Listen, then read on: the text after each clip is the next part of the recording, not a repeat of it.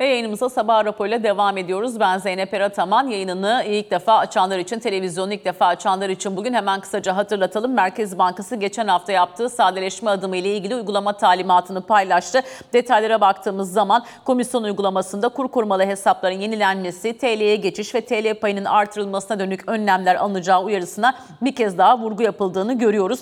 Kur fiyat koruma desteği hesaplanan e, sağlanan hesaplar için Merkez Bankası'nca belirlenen koşullara göre farklılaşmak suretiyle Yıllık %8, belirlenen Türk lirası payına göre farklılaşmak üzere %3 oranında komisyon uygulaması deniyor. Hedefleri tutturamayan bankalar için. Aynı zamanda yine komisyonların nasıl hesaplanacağı ile ilgili de talimat var. Ee, gerçek kişiler için 4 hafta önceki TL payı oran değişimi %3,5'in altında kalan geçişlerde bankaya %2, tüzel kişiler içinse 18 Ağustos 2023'te hesaplanan payın altında kalan bankalar için %1 komisyon kesintisi yapılacak demiş. Bu sabah ekonomist Haluk Bürümcekçi'nin geçtiği nottaki değerlendirme, yenileme ve TL'ye geçiş konusunda uygulanacak komisyondan vadesi gelen mevduat tutarı 500 milyon liranın altında kalan bankalar istisna tutuldu. Bunun dışında Gerçek kişiler için Türk lirası pay hesaplamasında payda kısmı 15 milyar Türk lirasının altında olan bankalar ve tüzel kişiler için TL e, pay hesaplamasında payda kısmı 10 milyar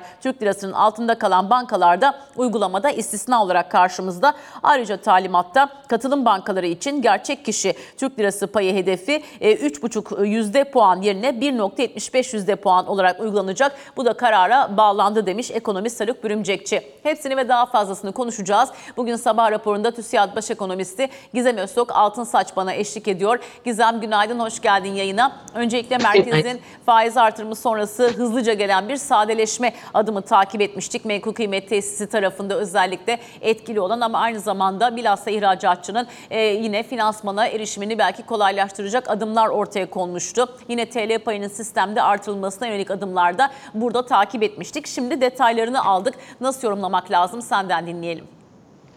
Yani elbette ki uygulama talimatı e, bakıldığında bir miktar karışık ama sadeleşme yönünde atılan bir adım. Daha önce pek çok rasyo vardı. Şimdi yavaş yavaş onun azaldığını görüyoruz. Bu sadeleşme tarafında pozitif ama e, TL'leşme için aslında belli adımları atmazsanız bir ceza uygulaması var. E, geçtiğimiz haftalarda, geçtiğimiz hafta gelen e, biliyorsun e, TL mevduatını arttırmak için orada bir e, hedef konmuştu. 2,5'tan 3,5'a çıkmıştı. Bu aslında mevduat faizini bir anda arttıracak bir unsur değildi. Nitekim dün mevduat faizinin aksine gevşediğini, daha da gevşediğini gördük ama tüm piyasa aslında bu komisyon cetvelini bekliyordu. E, yani uygulama talimatını bekliyordu. Uygulama talimatı da akşam geldi. O talimata göre de birkaç tane şey söylüyor aslında Zeynep. Net şekilde TL mevduatını arttır diyor. E, KDM'ni e, döndür diyor. Yani e, döviz olan bacağını döndür diyor. Çünkü döviz olan bacakta şöyle bir durum var. E, buradaki Moody, buradaki müşteri e, eğer bu hesabı kaparsa dövize dönüyor. Dolayısıyla sen bunu sürdür diyor. E, ama KKM'den de TL mevduata geçişi yap diyor. Yani KDM'ni sürdür ama KKM'den TL mevduatına geçişini yaptır diyor. Bu üç bacak üzerinde e, uygulamaya devam et. Bunlar olmadığı takdirde veya işte burada bir takım rasyolar var. E, belli bir komisyon alırım e, diyor. E, TL mevduatı arttırma yönünde bir unsur. Ha detaylarda demin söylediğin gibi küçük bankalar, katılım bankaları, bunların bazıları tabii bilançolarına göre e, muaf tutulmuş e, durumda gibi gözüküyor. Daha çok e, tabii bankalarda kendi bilançolarına göre, kendi TL paylarına göre e, bir mevduat fiyat biçecekler ama piyasada herkes birbiriyle de e, eşlenik hareket etmek isteyecektir. Toplamda TL mevduat faizini arttıracak ve TL mevduatı arttırmaya yönelik bir adım. Hı hı. Son gelen e, cetvelden bahsediyorum. Daha evet. önceki uygulamada netleşmemişti. Geçen haftakinde yani iki buçuktan üç buçuğa çıkarmak çok bozmaz yani bankaların hayatını onu da tutturuyorlardı, rahat tutturacaklardı. Ama bu uygulama e, biraz yoğun bir uygulama. Hı hı. Sadeleşme var e, ama cezası da büyük. E, dolayısıyla TL mevduat çekmek için bankalar ister istemez mevduat faizini e, kısmen yükseltmeleri gerekecektir diye düşünüyorum.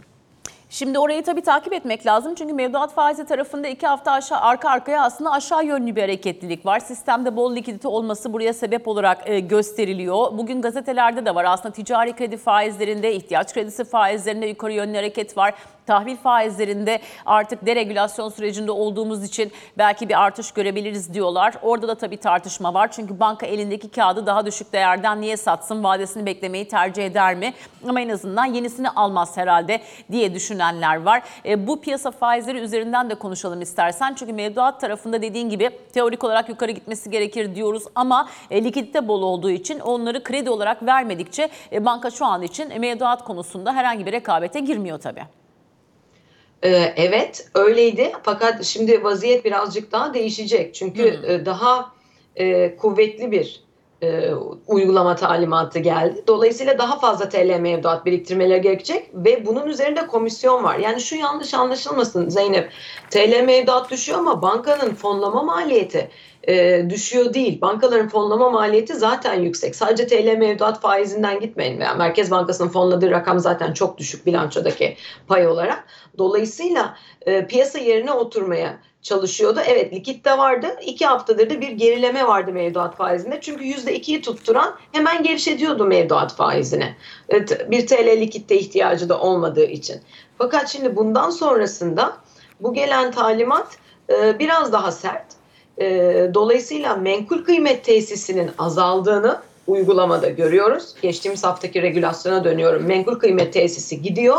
Yerine komisyonlar geliyor.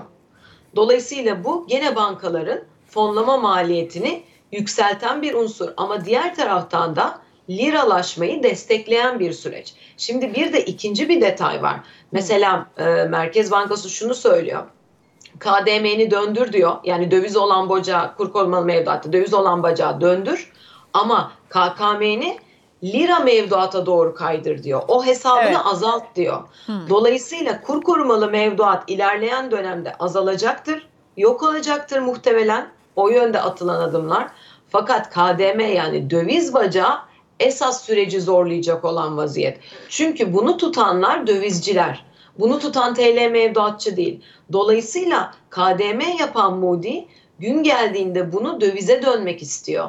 Dönüp TL mevduata koymuyor ki şunu söyleyeyim. KDM dönüşlerinde çok yüksek faiz var. Yani TL mevduatla alakası olmayan 10-15 puan yüksek faiz e, var e, dönmeleri için. Dönmezlerse de işte farklı döndürme opsiyonları, ek getiri vesaire var. Dolayısıyla e, bu gelen e, talimatta öncekinden e, farklı bir süreç yok. KDM'ni devam ettir diyor. Devam ettirmediği takdirde çünkü mesela başka bir ekonomi yönetimi olsa KDM'ni de TL'ye çevir dese hata yapmış olacaktı. Çünkü Moody öyle davranmıyor. O dövizci. Hmm. O kısım bayağı bir zorlayacak. Nitekim bu uygulamada da bunu devam ettir diyor. Ama KKM yapıyorsan da bunu TL mevduata geçir diyor. Topyekün TL payını arttır ya da YP payını azalt diyor. O zaman swaplı Yani mevduatlar tarafında artış beklemek lazım mı? Nasıl? Swaplı mevduat tarafında artış beklemek lazım mı? Çünkü swaplı mevduat müşteri yaptığı takdirde hesabında esasında TL gözükmekle beraber parasını yine dövizde değerlendirmeye bir anlamda forward cephesiyle devam etmiş oluyor değil mi? Çünkü o enstrümanın bir ayağı forward'da. Evet de e, ondan daha yok. Orada bir değişiklik beklemem. Ama e, KDM'de de mesela döndürmelerini beklerim. Ama KKM'den geçişte TL mevduatın artmasını beklerim bunun sonucunda. Hmm, O zaman bir farklılaşma olacak KKM'den dönen Döviz müşteri. bacağıyla yapılan adımlarda Hı. bir değişiklik beklemiyorum Moody'nin davranışı açısından. Banka YP'sini düşürmeye çalışacaktır elbette. Daha az komisyon ödemek adına. Ama burada başarılı olması için TL mevduat bacağını e, bayağı güçlendirmek için e, yüksek mevduat offer vermesi gerekiyor. Belli bir noktada bir de şunu unutmayalım Zeynep. Yani yabancı para tutan Moody yani döviz tutan müşteri bundan zaten kolay kolay vazgeçmiyor. Onun Evet tabii. alt dinamiklerinde farklı sebepler var. Yani verdiğiniz faiz bazen çok yüksek olmasına rağmen burada telaffuz etmeyeyim ama gerçekten bazen çok yüksek faizler e, verilmesine rağmen geçmemeyi tercih ediyor müşteri. Onun e, dinamiği daha farklı ama e, Merkez Bankamızın bunu bilerek bu adımı atıyor olması bence pozitif. Yani KDM'lerini devam ettir, rol et diyor. Bu Hı. bence e, doğru. Sadeleşme tarafında da doğru bir adım. İkinci bacağı da altını çizeyim. Menkul kıymet tesisinden mümkün olduğunca çıkmaya çalışıyorlar. Kur korumalı mevduattan mümkün olduğunca çıkmaya çalışıyorlar. Bunlar yavaş yavaş sönümlenecek. Ama kur korumalı mevduatın döviz bacağı, KDM'ler sistemi zorlayacaktır. Orada atılacak olan adımlar e, böyle çok hızlı müşteri tarafında veya bankalar tarafında reaksiyonla e, sonuçlanamayabilir. O kısım ilerleyen vadede zor olacak. Demin faizle ilgili soruna gelince de şimdi menkul kıymet MKT'de şöyle bir durum var. 5 yıllık kağıtlar örneğin HTM'de tutuluyor işte vade sonuna kadar da tutuluyor ama şu an onlar artık eligible değil, geçerli değil. Onlar artık 4 yıllık olmuş. Hı. Mesela burada da e, yeni bir regülasyonun geleceğini düşünüyorum. E, normalde piyasa onu switch ihaleleriyle değişsin gibi isteyebilir ama belki çok öyle olacağını zannetmiyorum. Belki tutulan bu rakamlarda e, rasyolandırma yapılabilir vadeye göre. E, çünkü artık o kağıtların geçerliliği de kalmıyor. Dolayısıyla MKT tarafında e, şimdi bir takım menkul kıymet tesisine ilişkin regülasyonlar kalktı ama Hı hı. hala da bankaların hala da o süreç devam ediyor. Dolayısıyla orada birkaç tane daha regülasyon gelmesini beklerim. Fakat toplamda geçen hafta gelen regülasyonlar ve dün gece gelen uygulama talimatı, komisyon cetveli vesaire bunlar e, bence olması gerektiği gibi e, ve doğru yönde sadeleşme adımları. Çünkü şunu unutmayalım. Süreç o kadar karmaşıklaşmış ve o kadar hatalı bir noktaya gelmişti ki buradan çıkış da kolay olmuyor. Hı. Buradan çıkış da zor oluyor. Gene de bence e, kötü gitmiyoruz. Baktığımızda rakamlara kur korumalı mevduattan çıkışlar oluyor. Bunlar dövize gitmiyor. Bunlar TL mevduata gidiyor. Bunu da sistemde görüyor olmak pozitif. Yani bu Şimdi- gerçekleşme de pozitif. Şimdi bütün bu adımları e, açısından bakıldığında aslında e, 2 Kasım'da gerçekleşecek olan enflasyon raporu toplantısı daha da önem kazanıyor. Çünkü Merkez Bankası'nın az önce Selva Hoca ile konuştuk. Zaten iletişim kurduğu çok az nokta var. Dolayısıyla bu anlamda merakla bekleniyor enflasyon raporunda e, tahminler revize olacak mı? Nasıl revize olacak? İletişimde Merkez Bankası nasıl davranacak? Burası çok merak ediliyor. İstersen senin de tahminlerini alalım. Şimdi gelecek senenin sonu için e, bizde tahmin %33 seviyesinde dururken e, şu anda politika faizinin geldiği nokta öncesinde bile e, yine Hazine ve Maliye Bakanı Mehmet Şimşek reel pozitif faize yakın olduğumuz şeklinde bir değerlendirme yapmıştı. Şimdi ikisini üst üste toplayınca acaba burada merkez bir revizyona gitmez mi diye bir soru işareti çıkıyor ortaya. Ama az önce Selva Demiralp Hoca ile de konuştuk. Gelecek senenin sonu ile ilgili onların tahminleri de Koç Üniversitesi'nde %50. İşte IMF'nin tahmini %46. E, ne dersin sen hani piyasa analisti olarak burada bir revizyon beklentisi içinde misin? Olursa nasıl olur? Piyasa beklentisi %45 ile 50 arasında net bir konsensus oluşmuş durumda. Orada e, bizim tahminimizde e, 45-47 civarında bir rakam. Yani e, şunu net söyleyebilirim. Hemen hemen herkes aynı rakamı tahmin ediyor zaten 2024'e ilişkin. Ama merkez 33 diyor. Acaba Merkez revize 33. eder mi? Evet şimdi önce cevabımı söyleyeyim. Bence revize etmez. Hı. Ee, revize edeceğini düşünmüyorum. Ama orada da ikinci bir soru geliyor. Piyasadan uzaklaşıyor. O zaman uzak kalıyor. O zaman da karşı taraf şunu söyleyebilir. Ben zaten piyasanın bana yaklaşması için bu adımları atıyorum. Dolayısıyla ben oraya bir çıpalama yapmaya çalışıyorum diyecektir Merkez Bankası. Ve Merkez Bankası'nın bu konudaki iletişimi son derece güçlü. Yani hem ekonomi yönetiminin iletişimi güçlü, yönlendirme adına belli konularda hem de Merkez Bankası'nın herkesle muazzam bir istişare sürecinde ilerliyor şu anda ekonomi yönetimi.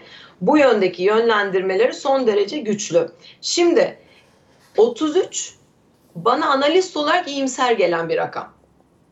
Fakat daha iki ay önce OVP çıktı ve 33'ü oraya koymuş bir yönetim var ve bu konuda da iddialı. Şimdi bunu nasıl revize edecek hemen iki ay içinde diye düşünüyorum. Bu birincisi. O yüzden ben revize edeceğini düşünmüyorum. Bekleyecektir bence. Ya Bir çok daha kısa da sürelerde şimdi ciddi şu- revizyonlar gördük çünkü yani daha önce enflasyon raporunda bu sene sonu için açıklanan enflasyon tahmini bir anda bandın üzerine doğru kayar ifadelerini çok hızlı bir süreçte biz görmüş olduk aslında.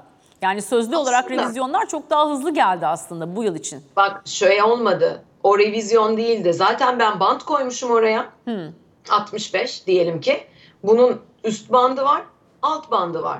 Dolayısıyla o üst band yani kendini sekür ettiğin kısmı zaten ben oraya koymuşum ve diyorsun ki o aralıkta evet üst banda yakın gerçekleşecek. Bu revizyon değil. Onu söyleyebilirim. Ha bak şunu tartışırız. 33 çok iyimser. Ben zaten enflasyon konusunda çok daha agresif tahminler yapan bir analistim biliyorsun. Yani çok uzunca bir süredir zaten piyasanın çok üzerinde enflasyonların e, gelmesinden, tahmin ettiğimizin ötesine geçmesinden 5 yıl boyunca e, çekincelerimi dile getirmeye çalışan bir analistim. Oraları zaten yaşadık. Ama demin söylediğin bir revizyon değil. Ha şunu dersen o doğru. Ben var olan enflasyon sürecinin bir miktar e, ekonomi yönetimi de ciddiyetinin son derece farkında, zorluğunun farkında ama olduğunun biraz daha e, altında bir süreç olduğunu düşündüklerini zannediyorum. Yani azımsıyorlar, biraz downplay ediyorlar bence. Ee, bunu piyasada yapıyor. Türkiye'nin enflasyonu şu anda 50'nin altına kalıcı olarak kırması çok zor. Ve sadece faiz politikasıyla olacak bir şey değil. Bu çok uzun vadeli bir tartışma konusu. Ama senin soruna gelecek olursak doğru olduğu için revize etmeyecektir demiyorum. Kendi dinamikleri içinde Merkez Bankası'nın son dönemde uyguladığı politikalar çerçevesinde ben 33'ü bugün revize edeceklerini yani 2 Kasım'da revize etmelerini beklemiyorum. Evet. Ha piyasa bekliyor. Evet. Hemen revize ederlerse şu da tartışılır. Revize etmezse kredisi sarsılır, kredibilitesi. Revize ederse de kredibilitesi sarsılabilir. Çünkü şunu da söyleyen bir e, bakanımız var. Ben reel faize çok yakınım diyordu. Pozitif reel faize geçeceğiz diyordu. 33'ü baz alıyorum. Egzante bakıyorum. O zaman 30'du faiz zaten. Şimdi 35'e çekti. Yani reel faizi pozitife geçirmiş olacak. Ha eğer ben yanılıyorsam diyelim ki olabilir 33'ü değiştirdi. O zaman öyle bir durumda piyasa çok hızlı reel faiz söylemi olduğu için pozitif çok hızlı bir tur daha e, politika faizi fiyatlaması yapacaktır. Şu anda fiyatlama o iste baktığında 40'lara yakın. 3 ay içinde %40'a değiyoruz. O zaman bir tur daha daha şiddetlenen bir fiyatlama görme ihtimalimiz olabilir. Onun da etkisi olur ama toplamda ben iki ay önce bu tahmin yapıldığında 33'ün çok böyle değişeceğini düşünmüyorum. Önceki dönemlere bakacak olursak o zaten ayrı bir dönemde. Orayı ıı, kapattım. Zaten tamamen her şeyin yanlış yapıldığı bir merkez bankacılığıydı. Burada işler rayına girmeye başladığı için o kredibilite çerçevesinde düşünüyorum. Yine de 33 iyimser bir rakam. Hani onu da altını çizeyim. Ama bir revizyon bu toplantıda beklemiyorum. E, 4 dakikamız kaldı Gizem. Orada da şunu sorayım. Az önce sen de söyledin. Kuvvetli adımlar görüyoruz. Merkez Bankası'ndan güçlü de bir iletişim yürütüldüğünü düşünüyorum bu anlamda. E, hem merkezden hem de ekonomi yönetiminden dedin. Yabancı ne bekliyor onu sorayım. Yabancı anlamaya çalışıyordu. 3 ay böyle geçti. E, ayrıca onlarla istişareler de çok üst düzeyde devam ediyor. Onu da Evet. söyleyebilirim. Çok büyük bir çaba var ve kendilerini anlatmaya çalışıyor. Bu ekonomi yönetiminde Merkez Bankası Başkanımız da süreci. E, aslında bir e, pozitif algı oluşmuş durumda. Onu da şöyle adlandıralım. Ben Türkiye'ye hiç bakmam diyen trader veya fon yöneticisi burada ne oluyor'yu anlamaya çalışıyor. Yani burada bir entry level e, hangi seviyelerde giriş yapabiliriz de aslında bakıyor. Şimdi Kasım'la birlikte zaten buklar kapandı. Yani portföy tarafında e, bir adım e, hemen olmasını beklemiyoruz ama işler doğru, adımlar doğru atılmaya devam ettiği, sadeleşme devam ettiği ve faiz politikasında e, bir vazgeçme olmadığı takdirde ki orada her şeye rağmen gene de gecikmeli gidiyoruz ama e, yine de hani süreç geçmişe kıyasla son derece e, doğruya doğru evet. yöneliyor. Böyle bir durumda birinci çeyrekte, ikinci çeyrekte ben Türkiye'ye küçük küçük portföy akımları gelmesini de e, bekliyorum. Ya anlamaya çalışıyor yabancı. Yani bizim yabancılarla yaptığımız tüm toplantılarda şunu görüyoruz. Gerçekten anlamaya çalışıyorlar ve acaba burada yeniden bir para yapma e, onların tabiriyle Tabii, tabii, konuşuyorum tabii, tabii. yanlış anlaşılmasın. Söz konusu olabilir mi? Onu kaçırmak istemiyorlar. Çünkü EM Environment yani önümüzdeki yıl e, gelişmekte olan ülkeler çok bir şey offer etmiyor bu arada. Yani burada ön plana çıkacak bir fırsatı her fon yöneticisi e, yakalamak ister. Hep kısa vadeli, fast money vesaire bu konulardan yani portföy akımlarından bahsediyoruz bu arada Zeynep. Aman yanlış anlaşılmasın. Uzun vadeli yatırım apayrı bir konu. E, son bir dakika içerisinde de Fed diyelim. Tabir piyasası zaten Fed'in yapacağını yaptı ve o yüzden pas geçer diyenler var. Peki o zaman yıl sonuna kadar noktasal grafikte görünen o bir faiz artırımı gelecek mi, gelmeyecek mi? Ne dersin? Son not bir de Fed ile ilgili öngörünü alarak sohbetimizi noktalayalım. Bence gelecek. Ayrıca piyasanın düşündüğü kadar e, bunu pas geçse bile finansal koşullardaki sıkılaşma bizim görevimizin bir kısmını yerine getiriyor dese bile FED ben faiz arttırım sürecinin bittiğini düşünmüyorum. Orada da 9'lardan 4'lerin altına kadar getirme enflasyonu birinci sınama, 3'lerin altını kırması, ikilere gelmesi ikinci sınama, ikinci challenge. Dolayısıyla orada Fed'in daha yapması gereken işler var. Piyasa kadar da erken şu anda senin gördüğün Vırp'taki gibi erken bir e, faiz indirimi de fiyatlandığı gibi beklemiyorum. Bence oralardan e, uzak bir FED olduğunu düşünüyorum. Bu yılda bir arttırım daha gelmesini beklerim.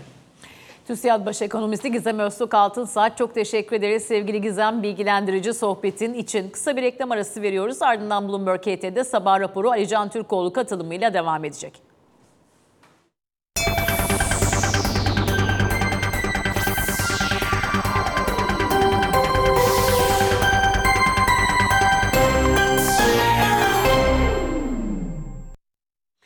Sabah raporu devam ediyor. Bloomberg HT Genel Müdürü Ali Can Türkoğlu ile beraberiz. Bu bölümde biraz da siyaset gündemi konuşalım. Ali Can günaydın. Günaydın. Şimdi siyasetin gündemi deyince bugün epeyce kalabalık. Hem kabine toplanıyor hem de e, Hazine Maliye Bakanlığı'nın bütçesi bugün mecliste. E, bugün hangi ana başlıklar öne çıkar Ankara'dan? Ee, öğleden sonra toplanacak kabine. Dolayısıyla akşam saatlerinde Cumhurbaşkanı kabinedeki gündeme ilişkin açıklama yapacak. Ama tabii ana gündem Gazze. Ee, şu anda çatışmalarda ne durumda olunduğu. Yani memur emekli zammı ikinci planda mı kalır? Evet yani bugün ana konuşulacak konu İsrail-Filistin konusu olacak. Ee, memur emekli maaşları da konuşulacak. İşte Aile ve Gençlik Bankası'nın kurulması da muhtemelen konuşulacak.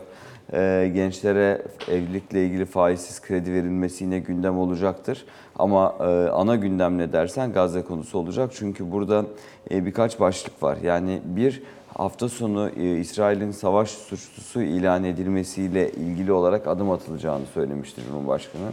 E, Bununla ilgili ne gibi hazırlıklar yapıldığı, hangi prosedürlerin uygulandığı veya uygulanacağı konusunun bugün konuşulacağını biliyoruz. Burada e, hem ateşkesin sağlanması, insani yardımların Gazze'ye ulaştırılması ve rehinelerin serbest bırakılması konusuyla ilgili olarak hangi adımların atıldığı e, mevzusu var. Dün Hakan Fidan'ın, Dışişleri Bakanı'nın zaten her gün oluyor ama dün Avrupa Birliği büyükelçileriyle bir araya gelmişti. Burada da tekrar Türkiye'nin masaya getirmiş olduğu bu garantörlük mekanizması teklifinin konuşulduğunu biliyoruz.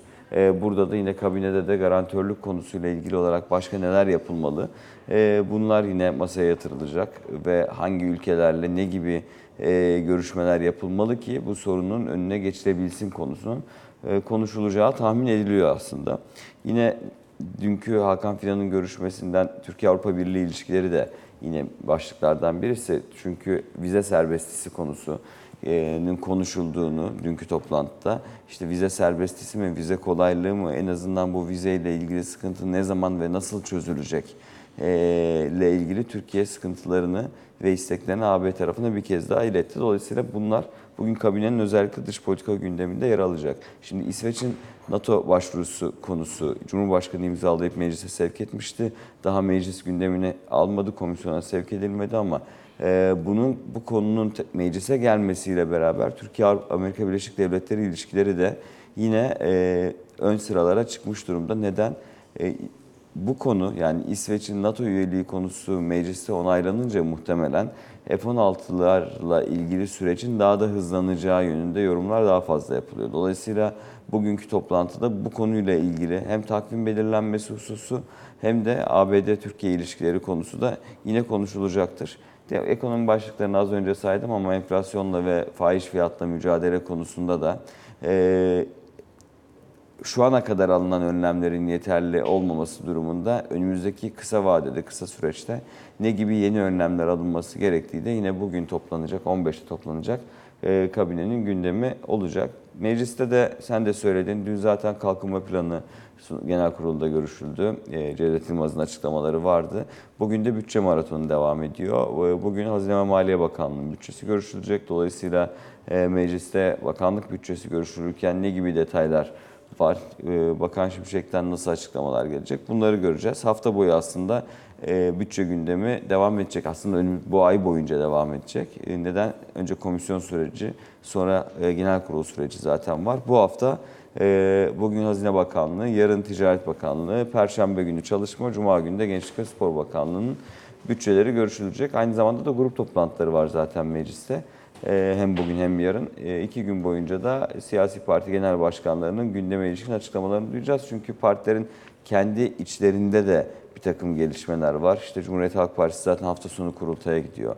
Ee, AK Parti'nin Kasım ayı içerisinde kampları var. AK Parti ile Milliyetçi Hareket Partisi arasında zaten aday belirlemeye yönelik heyet toplantıları devam ediyor. Bu süreç böyle devam edecekmiş gibi gözüküyor. Tabii bugün e, kabine ve meclis dışında hani bu dış politikayı da çok ilgilendiren Netanyahu'nun açıklamaları yankı bulacaktır. Çünkü dün bir kez daha e, İsrail'in ateşkese razı olmadığını, Hamas'ın silinene kadar bu mücadelenin devam edeceğini, savaşın ve barışın zamanı olduğu, şu anda savaş zamanı olduğunu yönelik açıklamalarda bulundu. Hatta Amerika'dan da örnek vererek 11 Eylül'den sonra Amerika nasıl ateşkesi kabul etmediyse İsrail'de 7 Ekim saldırıları sonrası kabul etmeyecektir. Ee, ve kara harekatının da esirlerin serbest bırakılması için çok önemli bir fırsat yaratacağı düşüncesini bir kez daha dile getirdi. Dolayısıyla e, beklenti e, hem kara harekatının sürecinin uzatılması hem de bu süre zarfında bir ateşkes kararı alınıp alınmayacağıydı. Netanyahu'nun dünkü açıklamaları e, bu alternatifin çok da yakın, çok da sıcak olmadığı yönünde algılanıyor tabii dü- dünya kamuoyunda İsrail ile ilgili olarak. Dolayısıyla bugün yeni ne gibi gelişmeler olacak e, İsrail'in e, Gazze saldırılarıyla ilgili bunları da takip edeceğiz. Ali Can Türkoğlu, Bloomberg HT Genel Müdürü çok teşekkürler. Siyasetin gündemini de beraberce değerlendirmiş olduk. Ee, Böylece sabah raporunun bugünlük sonuna geldik. Kısa bir reklam aramız var. Az sonra tekrar birlikteyiz.